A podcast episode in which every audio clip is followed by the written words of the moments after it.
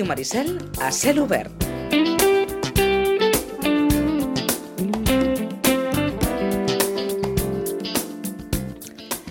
Les 11 i 41 minuts és hora de parlar de llibres, com fem cada 15 dies amb Rosana Lluc de Llorenç Llibres. Molt bon dia, Rosana. Hola, molt bon dia. Eh, I avui començo preguntant-te eh, per aquest eh, repòquer de guanyadores, així ho han titulat, dels Premis Llibreter 2022, eh, aquestes cinc escriptores que han estat d'alguna manera les guardonades amb aquest Premi Llibreter 2022. Jo no sé si això, Rosana, eh, marca d'alguna manera una tendència eh, de les dones escriptores i d'alguna manera posa en valor també i, i situa probablement allà on es mereixen no? la figura de la dona en l'escriptura literatura. Sí, home, de fet, uh, jo crec que se'n parlarà i se'n parlarà perquè són dones, però a més a més són unes grans autores. Uh -huh. I de fet, cada vegada n'hi ha més d'autores uh, escrivint, eh?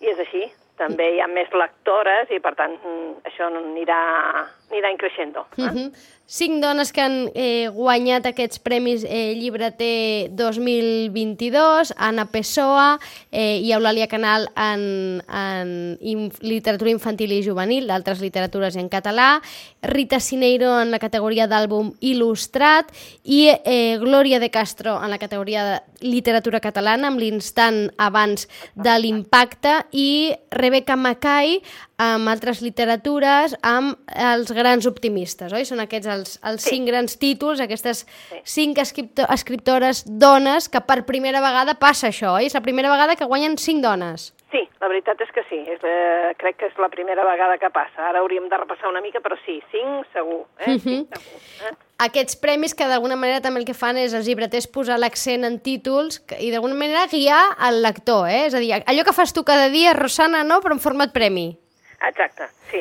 De fet, són llibres que hem anat recomanant, eh, són llibres que hem, de, de, algun potser no te l'havies llegit i corres a llegir-te'l perquè doncs, eh, altres companys l'han llegit i l'han proposat i quan surten els finalistes, uh -huh. eh, clar, ja hi ha llibres que tu no has llegit i llavors corres a llegir-los perquè uh -huh. si no, també és cert que si no, saps allò... Bueno, són llibres que intentarem recomanar des de la llibreria, eh, perquè són títols que no t'hauries de perdre. Uh -huh. eh, entenc que te'ls has llegit. Sí. Alguna menció especial per algun d'ells? Bueno, jo, jo crec que aquí ja havíem recomanat els grans optimistes sí. perquè, bueno, perquè és un llibre que, que és un llibre de allò, que és un llibre dens, perquè en el sentit de que parla d'un gran tema, uh -huh. però que a mi em sembla un llibre estupendo per, per ara per l'estiu, no? A l'instant abans de l'impacte, um, crec que l'hauríem de llegir. Vale? És d'aquestes autores més noves, més joves, uh -huh. i crec que, bueno, ja sabem que Periscopi, quan Periscopi fa una novel·la, sí? o sigui, escolleix una autora, uh, és una mica com el que va passar també una mica amb la campana, saps allò que sí? posaven l'accent i deien, sí, és periscopi, doncs eh, segur que té alguna cosa. Doncs segur que té alguna cosa. I en aquest cas eh, us recomanem també l'instant abans de l'impacte, malgrat que la història potser alguns els semblarà un pèl dura, saps? Eh, però vaja, és molt bona. Uh -huh. Per tant, apuntin, prenguin nota, ara que venen temps de vacances i que a vegades tenim més temps per llegir, eh, l'instant abans de l'impacte de Glòria Castro, que ha rebut aquest eh, premi en categoria literatura catalana en, en els Premis Llibreter 2022, i Els grans optimistes de Rebecca Mackay, eh, que està retrata, jo recordo que vas parlar, parlaves sobre l'epidèmia del SIDA dels 80, oi? Ah, exacte, uh -huh. sí. sí, sí. Uh -huh.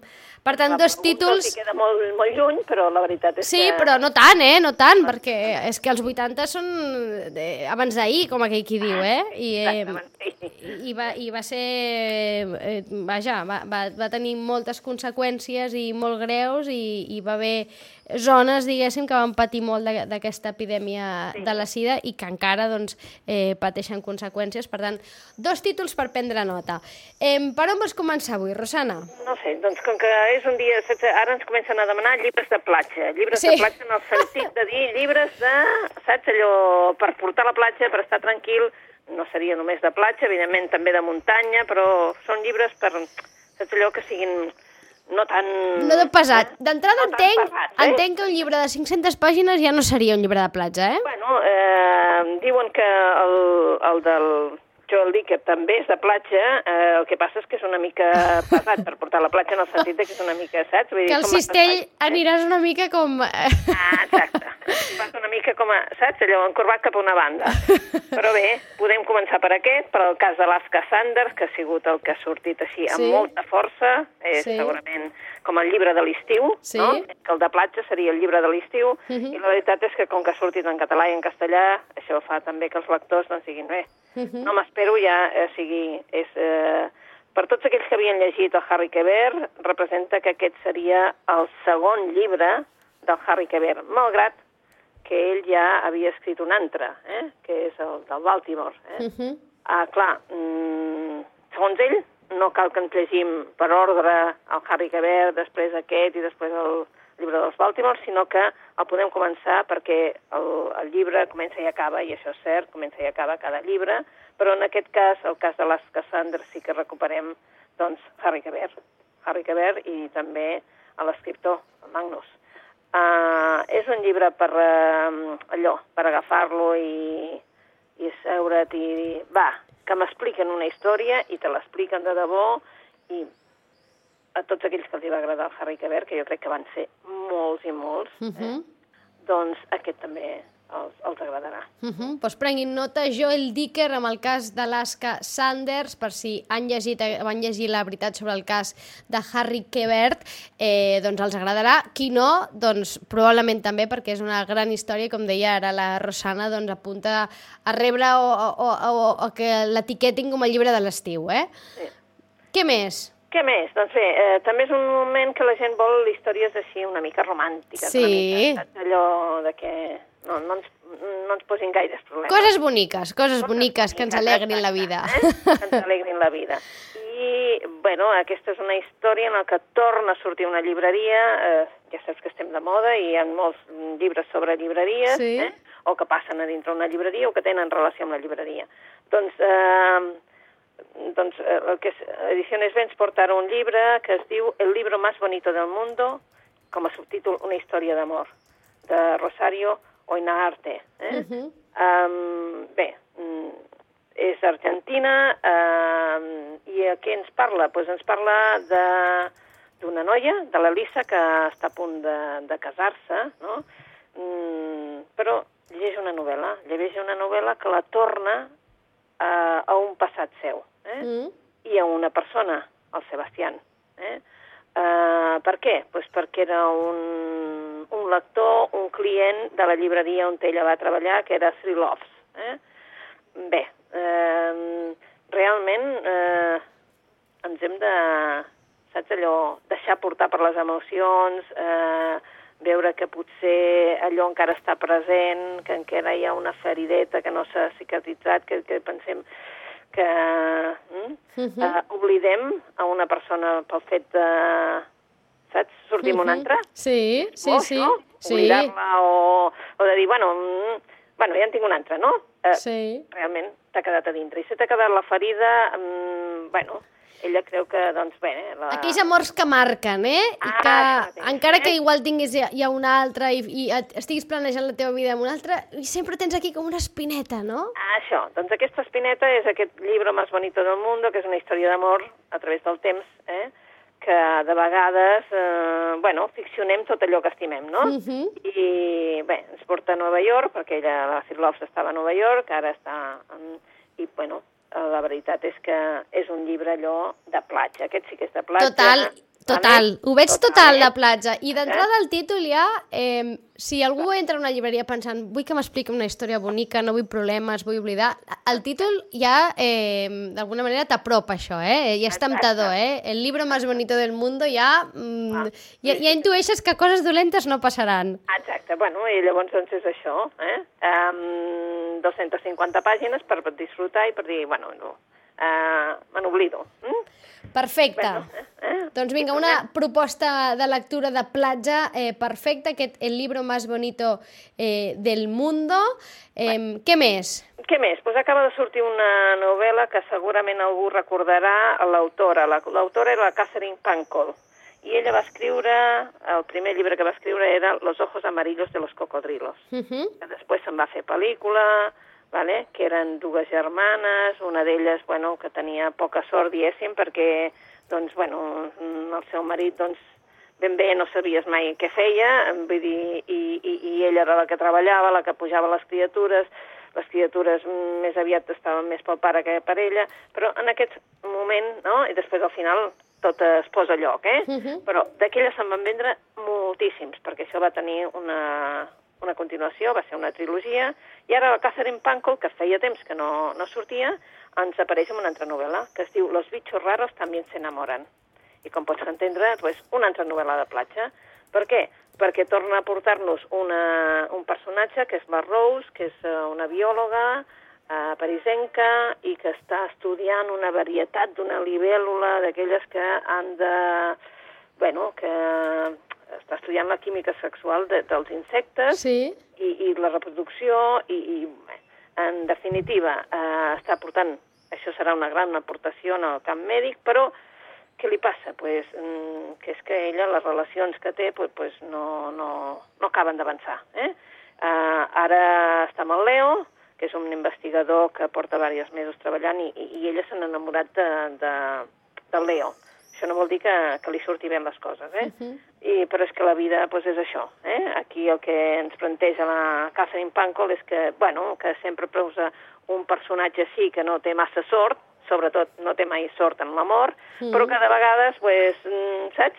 Eh, bueno, són capaços de superar-se, de superar qualsevol cosa per, per, eh, per molt difícil que sigui el camí. Mm -hmm. I en aquest cas, doncs és això. Un, un títol en el que hi ha gent doncs, que es pot sentir identificada d'entrada, no? Los bichos raros també s'enamoren, no? Si ets d'aquelles ah, persones que penses que tens que no tens sort en, sí. a, a, amb l'amor, no? I que no, no acabes d'entendre't i de trobar la persona, doncs potser és el teu llibre, escolta'm. Ah, exacte. Vull dir, com a mínim eh, et poses en pau de dir, vale, n'hi ha més com jo, no? Exacte.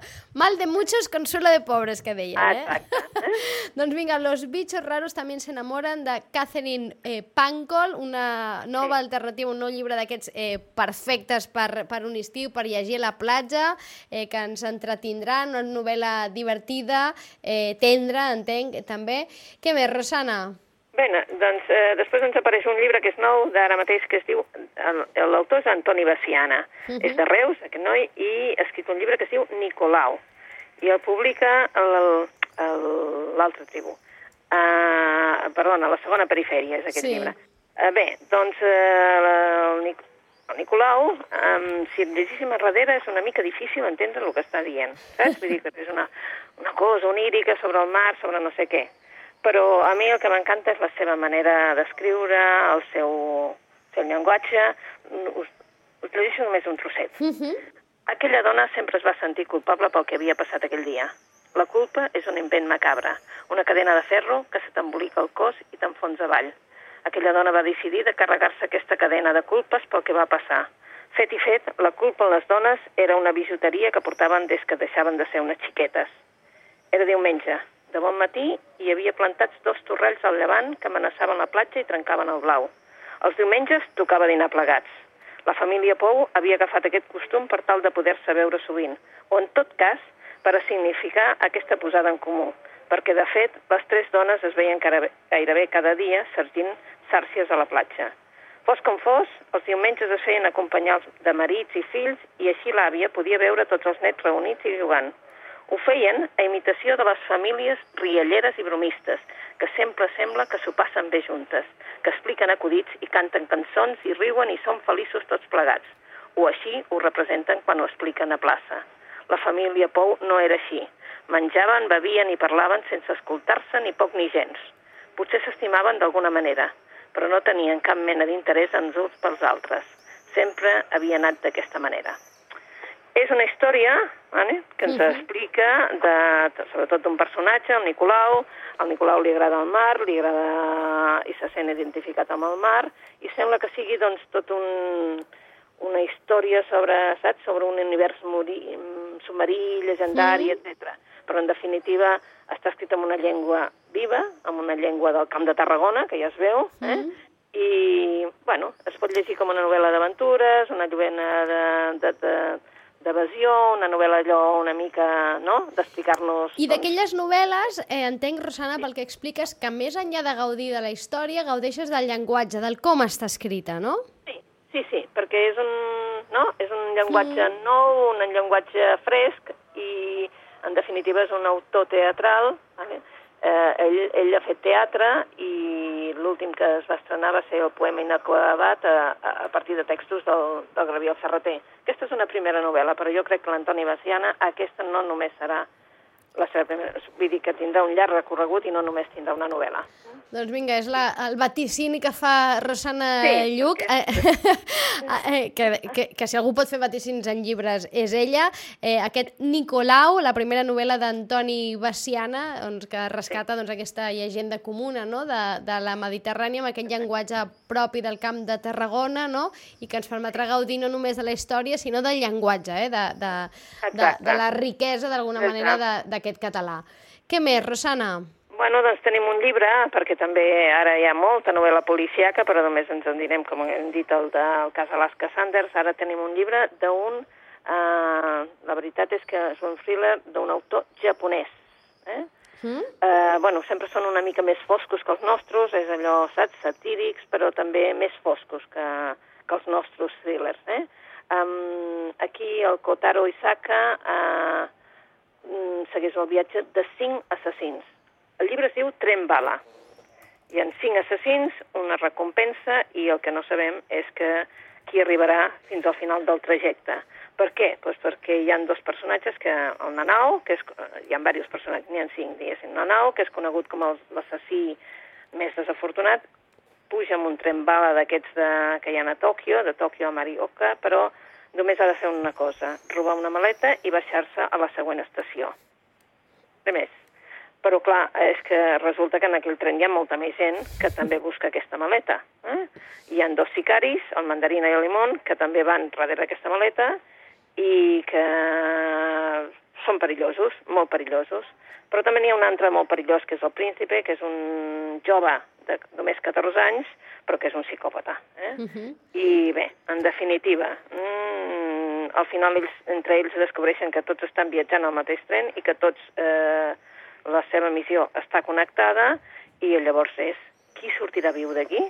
Per tant, un thriller sí. eh, amb, amb cinc eh, assassins, no? Eh, sí. entretingut per aquells que la platja no, no, no els motivi necessàriament les històries romàntiques, no? I vulguin una mica sí d'acció i aventura que, que també, no? És a dir, ja sabem sí. que, que volem de vegades històries lleugeres, romàntiques, però hi ha gent que, que vol acció, sí. no? Eh. Acció, i aquesta realment, és clar, és un espai tancat, és un tren bala, i estan tots dintre, i en definitiva, aquí ja ens apareix amb una...